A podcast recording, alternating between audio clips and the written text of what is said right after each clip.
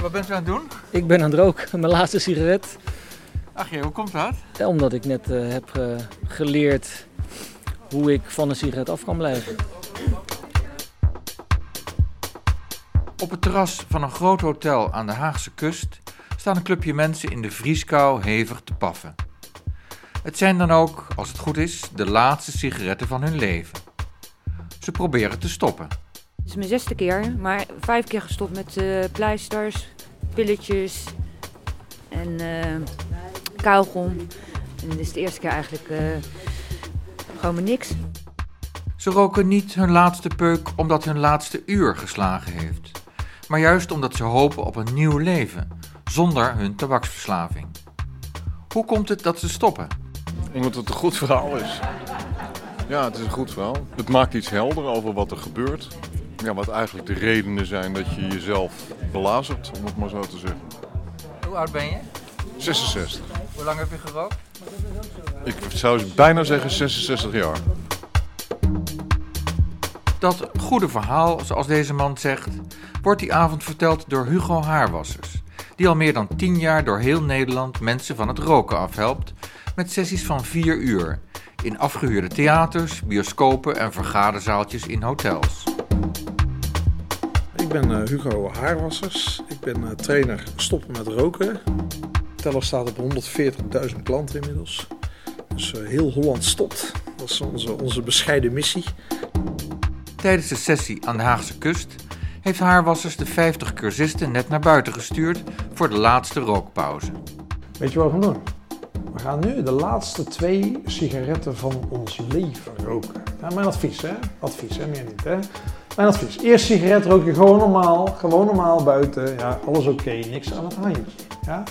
Dan rook je hem. Dan maak je hem uit. Dan wacht je 10 seconden. En dan rook je de tweede. Mijn advies, de tweede, die rook je bewust. Mijn advies, inhaleren. Ruik hem. Proef hem. En onthoud hem. Ontdek voor jezelf dat de lol van het roken enkel en alleen komt uit het aanvullen van nicotine. Heb je nicotine net aangevuld? Ga je het meteen weer aanvullen? Nou, proef je een beetje hoe een echte, een echt sigaret smaakt. Hè? Ja, dat is wat jij zult moeten missen, zeg maar. Hè? Ja, goed. Dit is mijn tweede sigaret, ja. Hoe smaakt die? Ja, niet lekker, maar dat heeft hij eigenlijk nooit gedaan. Maar ja, nu ben je er wel wat bewuster van, ja. Voor veel mensen doen die laatste sigaretten de deur dicht. Anderen stoppen al halverwege de avond. Ik heb alleen de eerste pauze uh, gerookt uh, nog. Maar, en, en, dat was al genoeg? Ja. Ja, nee, ik, ik, ik, had met de tweede pauze heb ik, op, heb ik wel op een gegeven moment mijn jas gepakt. En toen dacht ik van ja, wat ga ik nou in godsnaam doen? Uh, ik stop en nou, dan kan ik dat net zo goed gelijk doen. Ja, dus, dus je bent nu al twee uur gestopt? Ja. Hoe voelt dat? Ja, heel goed eigenlijk. Het, het begint dan een beetje, een beetje trots uh, te komen. Hoe komt het dat Hugo Haarwassers zoveel mensen van het roken afhelpt? Mensen die al 40 jaar roken draaien in 4 uur de knop om. Wat is zijn geheim waar andere behandelaars falen? Dat wil de wetenschap ook graag weten. Ik ben Eline Meijer, ik ben psycholoog van achtergrond en ik werk in het LUMC, Leidse Universitair Medisch Centrum, als uh, associate professor. Ik doe veel onderzoek naar roken en stoppen met roken. En ik uh, ja, heb een onderzoekslijn opgezet uh, daarover. En dan vooral de psychologische kant ervan. Dus dat wat, wat zijn de psychologische processen die daarbij spelen en hoe kun je dat zo goed mogelijk uh, ondersteunen? Dit is deel 4 van de podcastserie Rooksignalen van Peter de Ruiter. Wil je weten hoe de cursus van Hugo Haarwassers in zijn werk gaat?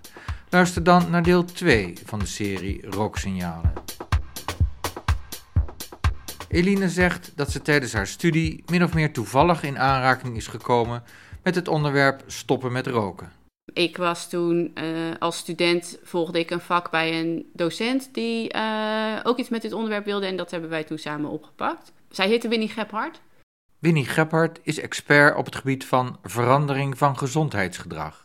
En wij zijn toen voornamelijk onderzoek gaan doen naar de rol van identiteit bij roken en stoppen met roken. En dit specifieke onderzoek waarvoor wij nu deze afspraak hebben uh, over die cursus Ik Stoppen mee, daar is Mirjam de Klein mee begonnen. Uh, al een heel aantal jaar geleden. En zij heeft uh, het LUMC toen benaderd voor samenwerking daarin. En dat heb ik toen opgepakt, omdat dat natuurlijk goed bij mijn eigen expertise aansloot. Mirjam de Klein is huisarts en staat dus aan de basis van dit onderzoek. Maar wat bedoelt Eline met je identiteit die een belangrijke rol speelt bij roken?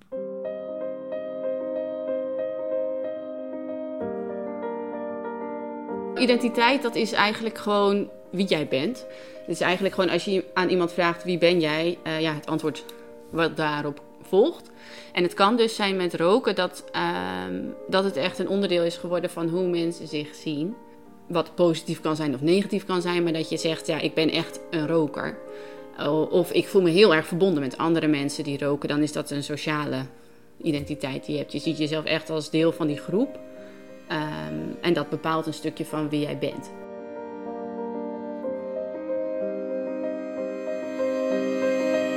En het past gewoon bij mij. En bij heel mijn familie. En dit is gewoon wie ik ben. Als je dan probeert om te stoppen met roken, ja, dan doe je dus ook iets wat niet bij je past. Dit is een stukje uit een interview dat Eline Meijer heeft gebruikt voor haar onderzoek, om reden van privacy ingesproken door een actrice. Als je dan probeert om te stoppen met roken, dan doe je dus ook iets wat niet bij je past. En dat maakt het ook wel heel lastig uh, om het vol te houden. Maar het kan ook anders. Uh, er zijn ook mensen die roken en die zien zichzelf als niet-roker.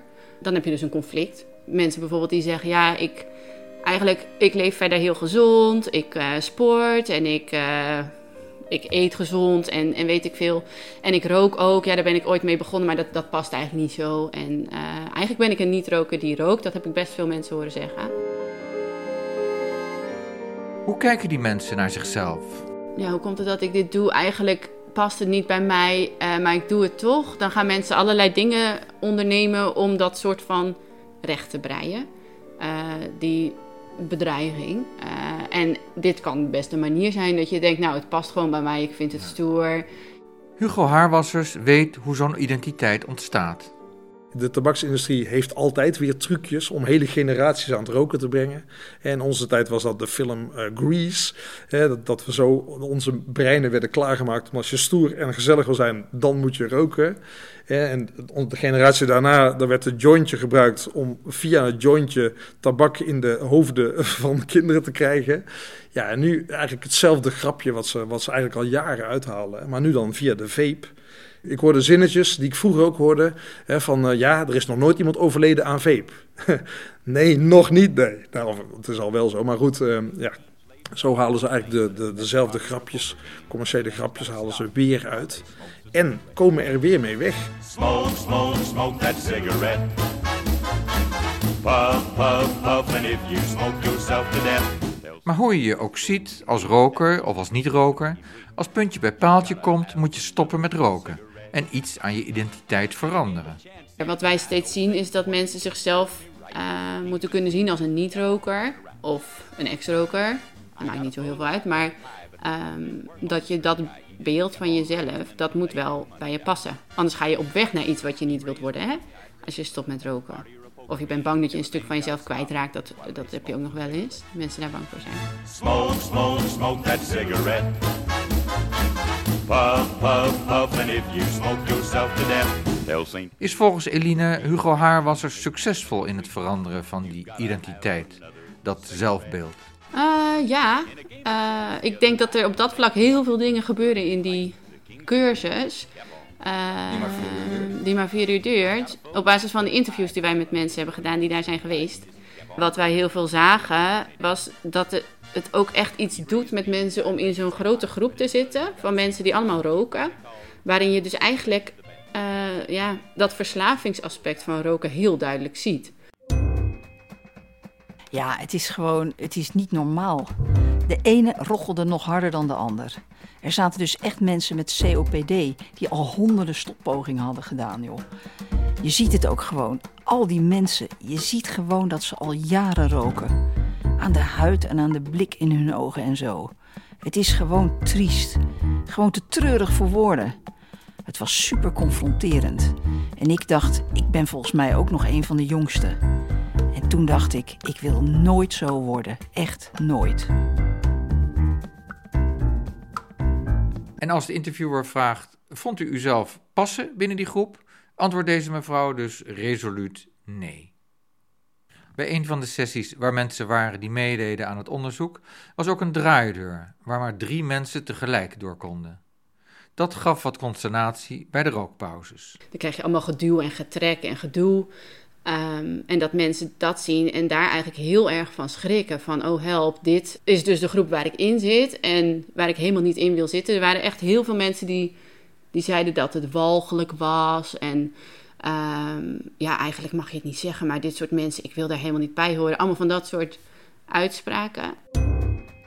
En je moet buiten roken, dus je moet met z'n allen door die draaideur heen. En hou er rekening mee, er kunnen er maar drie tegelijk naar buiten. Ik had al een sigaretje gemaakt. Ik denk, we gaan roken. We waren een van de laatste in de zaal. Ja, en dan krijg je gewoon een paar keer een duw in je rug. En ik zeg, jongens, rustig aan, rustig aan. En ik zit daar nog steeds naar te kijken, naar die draaideur. Er is best wel een beetje gedoe en getrek onderling. En ik denk, goh, die man heeft zo gelijk. Ik ben gaan zitten met een bakje koffie. Ik heb mijn sigaret aan de kant gegooid. Ik denk, ik ben er klaar mee. En ik heb nooit meer gerookt.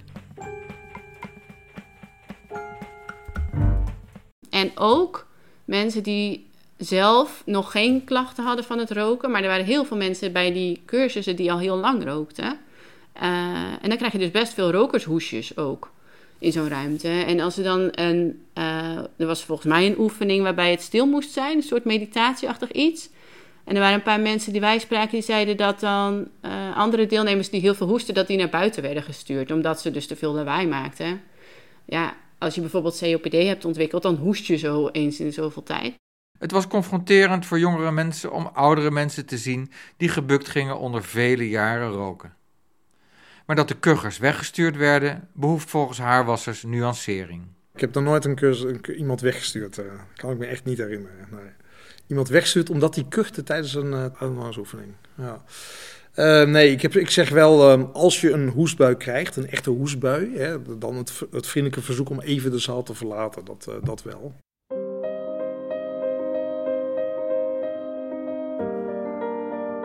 Die ontmoeting met andere slachtoffers van roken is een al dan niet bedoeld neveneffect van de cursus.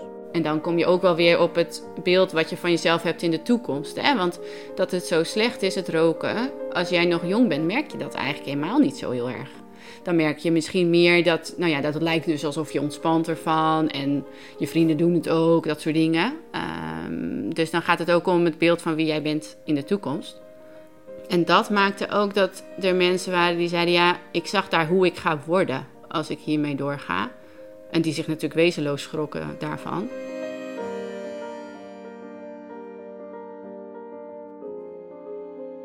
Het lijkt alsof roken ontspant, hoor je Eline zeggen.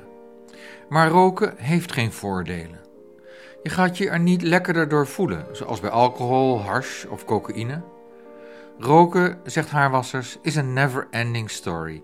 De enige reden om te roken is om het gemis van de vorige sigaret te compenseren. Als van die sigaret de nicotine wegebt, ervaar je stress, vermoeidheid en honger. En dus neem je de volgende sigaret. Waarom zijn Eline en haar collega's juist deze stoppen met roken cursus gaan onderzoeken? Nou ja, deze is denk ik wat anders dan veel andere cursus- of begeleidingstrajecten. Wat wel heel fascinerend is, is dat er zoveel interesse was, en nog steeds wel is, voor deze cursus. Zowel bij mensen die roken als ook bij professionals die er heel veel naar verwezen. En dat was ook voor Mirjam, uh, die dit dus heeft opgezet, dat onderzoek. De reden om dat eens te onderzoeken, omdat uh, zij is zelf huisarts en zij merkte dat in haar omgeving ook heel veel huisartsen steeds verwezen naar deze cursus. Um, terwijl er eigenlijk heel weinig bekend was of het nou werkte, wat er nou gebeurde, dat soort dingen. Um, ja, dus het is een beetje uit fascinatie, denk ik, ontstaan, dit onderzoek. Um, En er zijn ook veel methodieken die ja, wat meer zijn gestoeld op dingen die al bewezen zijn. Daar zitten allerlei dingen in waarvan je weet, oké, dat werkt. Uh, en als je dan acht groepsessies hebt met een klein groepje en je doet dan deze en deze dingen, dan weten we dat dat effectief is. En heel veel van die dingen zitten hier dan juist niet in. Bijzonder is ook volgens Eline de laagdrempeligheid van de cursus. Het kost weinig tijd, het kost ook weinig geld. Als je een avond organiseert waar 100 man kan komen en je hebt één trainer, en dan zijn er nog wat mails naderhand met informatie. Maar van onze deelnemers zei in ieder geval lazen die mails niet zo heel erg goed. En mensen kunnen nog bellen, maar dat, de mensen die wij spraken hadden het ook niet gedaan. Ja, dat kost niet veel. Je moet een ruimte afhuren natuurlijk. Um, ja, je hebt een trainer nodig. Misschien nog wat koffie en thee voor bij de rookpauze. En, en dan ja, uh, ben je denk ik al een heel eind. En dat is anders dan een, een individueel begeleidingstraject bijvoorbeeld. Of als je medicatie erbij gebruikt. Of als je wel iets met een groepje doet, maar een kleiner groepje en dan een aantal keer. Dat is allemaal duurder.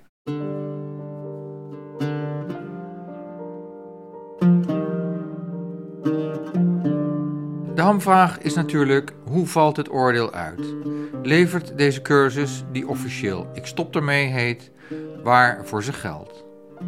Haarwassers zelf meldt dat tot 78% van de deelnemers aan de cursus permanent stopt. Dat cijfer hebben Eline en haar collega's niet kunnen onderschrijven. En sowieso was het lastig om de effectiviteit op wetenschappelijke basis aan te tonen.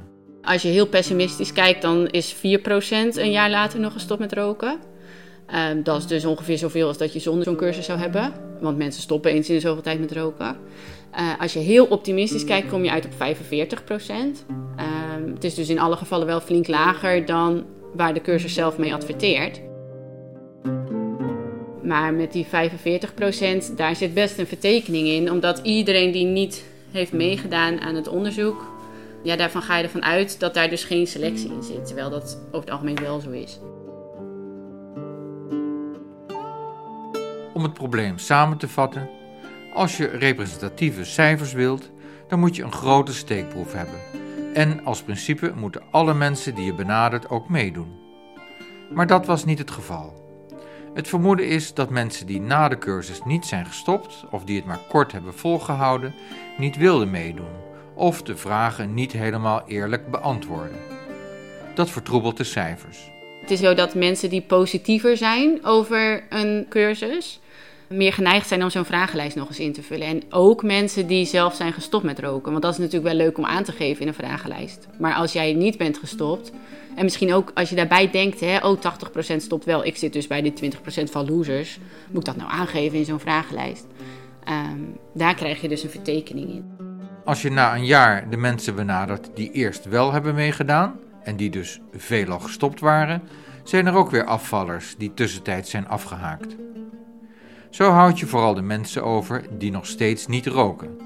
De herbeginners laten niet meer van zich horen. Dus die 45% dat is meer een beetje, ja, als zou je naar een vega-festival gaan en je vraagt daar wat vind je van kikkererwten. Dan vinden mensen dat waarschijnlijk best lekker. Terwijl als je in de algemene bevolking vraagt wat vind je van kikkererwten, ja, iets minder enthousiast. Dus je krijgt een beetje zo'n soort iets um, waar je dus voor moet corrigeren. Uh, ja, waar je allerlei aannames in doet. Dus die 4% is wel echt te streng, denk ik. Uh, eh, 45% is te optimistisch, dus het zal daar ergens tussen zitten. De waarheid zal in het midden liggen, zeg ik dan. Dus pakweg 25%. Daar kun je tegenover stellen dat reguliere cursussen via de huisarts 9 tot 20% scoren. Maar let op, haarwassers is één keer onderzocht en die andere cursussen veel vaker. Het onderzoek van onder andere Mirjam de Klein, Eline Meijer en Lisa Meeuwse was gebrekkig gefinancierd. Of beter, er was geen geld. De mensen die het onderzoek hebben verricht, hebben het naast hun officiële werk gedaan. Daarom heeft het ook zo lang geduurd, zeg maar tien jaar. En tussentijds is er ook een switch gemaakt van een kwantitatief onderzoek naar een kwalitatief onderzoek. Niet de cijfers stonden centraal, maar de inhoud van de cursus. Wat vindt Hugo Haarwassers van de resultaten? ik ben blij dat er eindelijk iets gepubliceerd is. waaruit een beetje blijkt wat wij, wat wij doen. Ehm, ik heb nog ehm, met de onderzoekster um, mevrouw Meijer nog een mailcontact gehad over dingen die ik niet snapte. Hè, bijvoorbeeld, hoe kan je nou alle mensen die niet reageren, hoe kan je die nou in een onderzoek aanmerken als roker? Dus ik heb tegen haar letterlijk gezegd van nou, in, als we zo gaan redeneren, dan ben ik in, in jullie onderzoek ben ik ook een roker. Terwijl ja, ik ben toch echt geen roker. maar ja, dat vond ik een beetje vreemde gang van zaken. Maar ze heeft het uitgelegd uh, waarom en hoe. En, uh... Heeft Haarwassers het gevoel dat dit onderzoek deuren opent voor hem en zijn collega's? Nou, die illusie hebben we niet eigenlijk, als ik heel eerlijk ben. Ehm, we hebben uh, in het verleden, uh, toen we begonnen, hebben we wel eens naar een concurrent gekeken, Ellen Carr, wat we een hele goede concurrent vonden. En die we hebben ook alles gedaan om uh, wetenschappelijk gepubliceerd te worden. En nou, uiteindelijk is dat ook gelukt. Ze hebben goede wetenschappelijk onderzoek hebben ze laten doen. En het heeft niks veranderd. En ze zijn op sterven na dood. Um, ja, dus, dus we hadden altijd zoiets van onderzoek is goed. Hè? Dat is ook, ja, zoals het hoort eigenlijk. We vinden het ook heel gek dat zo'n belangrijk onderwerp een nieuwe methode.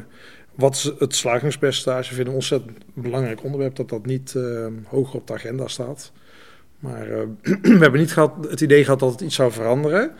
Um, daar komt ook uh, onze aanmeldingen, ongeveer 90%, die komen via via. Dat wil zeggen, als je broer en zus bij ons stopt, dan ga je je aanmelden. En ja, we hebben dat wel eens onderzocht. Even als voorbeeld, um, in Apeldoorn waren we ooit heel populair en dan gingen we ooit uh, onderzoeken hoe dat kwam. En dan was bijvoorbeeld een dorpje en er was een, zekere Tini, die was daar. En blijkbaar was de straat uh, waar zij wonen, of de wijk, hè, Uggelen, die was, die, ze waren zo verbaasd dat zij stopte met roken, dat de hele wijk heeft zich aangemeld. En we weten helemaal niet wie dat is verder. Maar we hadden, wel, we hadden er wel een beeld bij. Want ja, als die mensen stoppen, dan uh, klaren ze helemaal op. En dat valt op. En dan gaat iedereen vragen, hoe ben jij gestopt? Dat valt in grote mate samen met het antwoord op de vraag aan Eline... om de conclusies van het onderzoek samen te vatten. Nou, ik zou zeggen dat een, een cursus als dit wel veel potentie heeft om mensen te bereiken die je anders niet bereikt. Hè? Um, dat is ook wat wij wel hoorden en volgens mij wat jij ook wel hoorde van mensen. Dat ze zeiden, nou ik wil eigenlijk helemaal niet echt stoppen met roken, maar mijn dochter of zoiets heeft mij dit gegeven, dus ik ga er maar eens naartoe. En dat ze dan helemaal van gedachten gaan veranderen. En dat is natuurlijk prachtig als je zoiets kunt bereiken.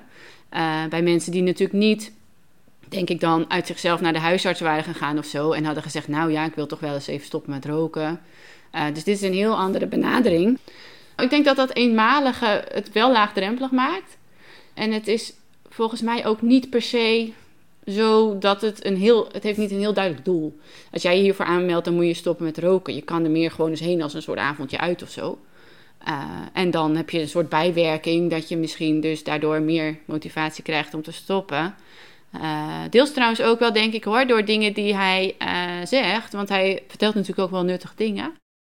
Onder die nuttige dingen die Haarwassers vertelt, zit informatie over de zogeheten mother liquor, zoals tabaksfabrikanten het zelf noemen.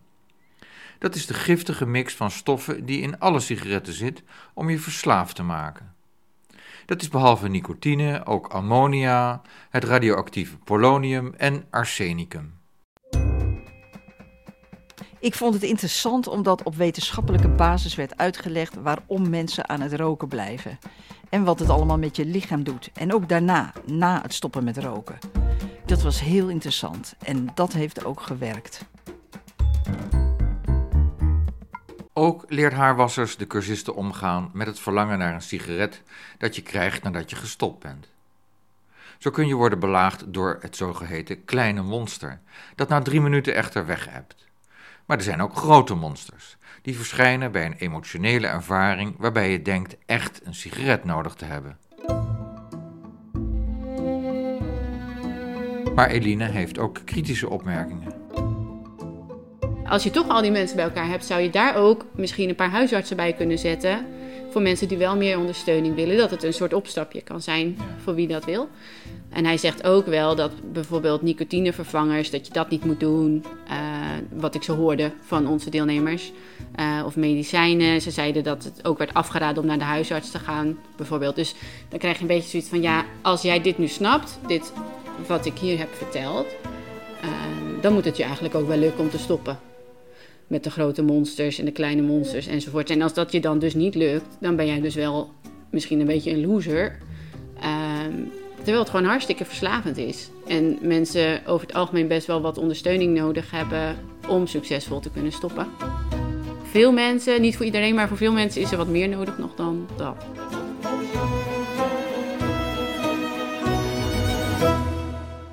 Over pleisters en andere hulpmiddelen om te stoppen heeft haarwassers een duidelijke mening. Kijk, iemand die een pleister op heeft, die rookt niet. Of nauwelijks. En dat klopt ook. Hè? Maar er is een reden waarom die uh, niet rookt. En dat is namelijk omdat hij wel rookt. Als je een pleister opplakt, in een pleister daar zit een olie in. En de producent van die olie die noemt die olie de mother liquor. Die olie die wordt geproduceerd in een hele grote fabriek in um, Lausanne, Zwitserland. En daar staat op de fabriek, daar staat Philip Morris International staat op die fabriek. En zelfs een opdracht van andere fabrikanten wordt daar in grote hoeveelheden wordt daar de mother liquor geproduceerd. En die mother liquor is eigenlijk het ingrediënt van de vape, maar ook van de pleisters. En dus feitelijk ben je gewoon aan het roken als je een pleister opplakt. En de enige reden waarom je niet rookt, is als je gaat roken en je hebt een pleister, dan krijg je vaak een overdosis nicotine, waardoor je gewoon misselijk wordt of, of je valt flauw. Dus dat is de reden waarom men niet rookt, maar feitelijk roken ze wel. Uh, ja, het is een soort bedrog is het eigenlijk. Hè? Omdat je, je produceert iets waar gewoon nicotineolie in zit, wat mensen niet helpt om te stoppen. En um, ja, ik zeg wel eens voor de grap, um, als je die olie helemaal in je hoofd hebt, dan heb je een cursus nodig. Volgens Eline Meijer ligt dat anders. Die nicotinevervangers, dat die niet zouden werken, uh, dat is echt heel erg goed onderzocht. En dat werkt gewoon. Nicotinevervangers kan je heel goed afbouwen. Net zoals je roken kunt afbouwen? Ja, maar dat is anders, want dat houdt de handeling natuurlijk in stand. Hè? Als jij uh, elke keer blijft roken, dat zorgt eigenlijk dat de sigaretten die nog overblijven veel belonender worden. Dus mensen die op een gegeven moment zeggen: Ik heb nou nog één sigaret.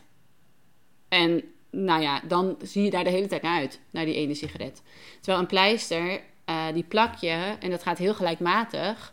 Je zit ook niet aan je pleister te lurken natuurlijk. Dus die zit daar gewoon. Dus die houdt eigenlijk die hele handeling, haalt die eruit. Um, en roken is voor een deel een lichamelijke verslaving natuurlijk, maar dat duurt zo'n beetje een week. Uh, het is ook voor een heel groot stuk een psychologische verslaving. Uh, en als je gaat proberen je sigaretten af te bouwen, dan hou je dat dus wel in stand. Uh, en met een nicotinepleister bijvoorbeeld niet. Als je wilt stoppen, dan moet die knop in je hoofd om. En niet met acupunctuur of nicotinepleisters of. Nee, dat moet echt. Maar dat had ik zelf ook al wel in gedachten. Wil je echt stoppen, dan moet die knop om. En klaar. Haarwassers is ook een groot tegenstander van het middel Champix, dat rokers beoogt te helpen bij het stoppen. Wat ik ook vervelend vond was dat Champix, dat dat door de hele medische wereld werd voorgeschreven, terwijl het zoveel slachtoffers maakt. Duizenden per jaar, psychoses, um, zelfmoordneigingen, vooral dat eigenlijk. En ernstige nachtmerries, uh, persoonlijkheidsveranderingen, van alles en nog wat. Uh. En ik hoorde dat iedere keer in die groepen. Champix is in 2021 uit de handel genomen vanwege veronderstelde verontreinigingen met kankerverwekkende stoffen. Maar producent Pfizer verwacht dat het vanaf eind 2024 weer kan worden verkocht. Luister over de levensbedreigende bijwerkingen van Champix naar deel 3 van Rooksignalen. Dan hoor je bijvoorbeeld de ervaring van Margot Broer uit Amsterdam, die het middel korte tijd gebruikte. Ik ben ermee gestopt omdat ik wilde niet meer roken. Het werkte inderdaad, maar ik wilde niks meer.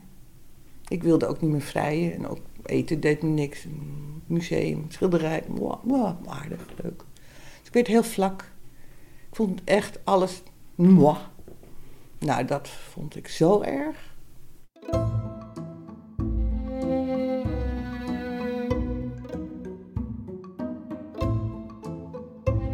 Een ander commentaar van Eline Meijer op de werkwijze van haarwassers is de magere nazorg vanuit de cursus zelf. Haarwassers ziet dat zelf ook in, maar daar is een reden voor. Is een stuk verbeterd. Dat was inderdaad. Um, kijk, wij zijn in een hele korte tijd zijn we heel groot geworden. Die tijd ook, hè, want ik zei net ook Osdorp 600 mensen. Dat is niet onze voorkeur. Hè. Wij willen het liefst 50 mensen. En dan dat we, hè, dat we mensen dat ze de tijd hebben om ons al aan te spreken. Ehm, wat we tegenwoordig hebben zijn uh, vijf telefonistes. We drukken iedereen op het hart van wat er ook gebeurt, bellen. Als er iets niet, niet goed gaat, meteen bellen. Dus iedere dag tussen 10 uur s ochtends en 10 uur s avonds zijn wij bereikbaar. Dat was volgens mij in die tijd ook al wel zo. Maar volgens mij hadden we toen één telefoniste. dus dat is het verschil.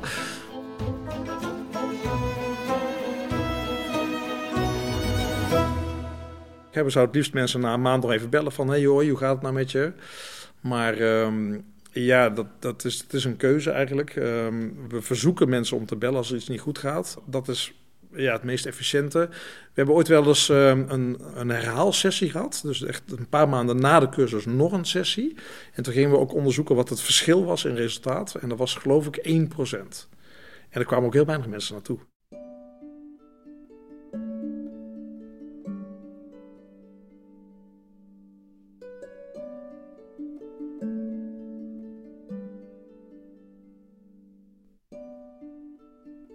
Aan het begin van dit deel van Rooksignalen hoorde je hoe Hugo Haarwassers zichzelf voorstelde. Ik ben uh, Hugo Haarwassers. Ik ben uh, trainer stoppen met roken. En wat hij zichzelf ten doel stelt. Dus uh, heel Holland stopt. Dat is onze, onze bescheiden missie. Daar heeft hij nog meer over gezegd. We waren hoopvol. Iedere jaar een, een procent minder rokers, maar toen kwamen de vapers er weer bij. Dus nu, uh, nu, hebben we, ja, nu vrezen we dat we nog niet met pensioen kunnen, zeg maar, voorlopig. Eline Meijer valt haarwassers bij. We zijn ook uh, nu uh, middelbare scholieren van het VMBO aan het interviewen over roken en vapen. En inmiddels vinden ze roken niet meer zo interessant, want het stinkt en je kan het ook niet binnen doen natuurlijk. Terwijl vapen, um, dat stinkt niet. Het lijkt ze ook gezonder. Uh, sommigen hebben dan ouders die wel roken, sigaretten. Dus die hebben eigenlijk niks te zeggen tegen hun, want dat vapen vinden ze minder erg. Uh, en je kan het ook doen op de wc, bijvoorbeeld. Er wordt heel veel gevaped op de wc. Het zit gewoon in hun etui. Dus als de docent even wat moet doen met het bord of zo, uh, dan kan je even vapen. En dat is lastiger met een sigaret. Dus daar zie je wel zo'n verschuiving. Philip Morris die is ook op weg naar een rookvrije generatie, zeg maar. Dus maar dat betekent dat ze iedereen aan het vapen willen krijgen.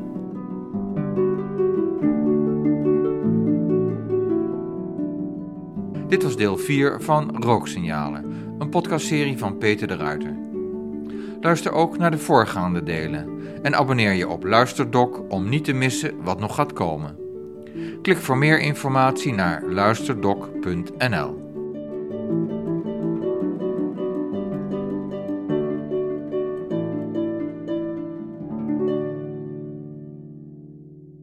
vanaf uur één uh, hebben wij ons helemaal groen geërgerd aan hoe dit, uh, hoe dit is toegestaan hè, door alle partijen.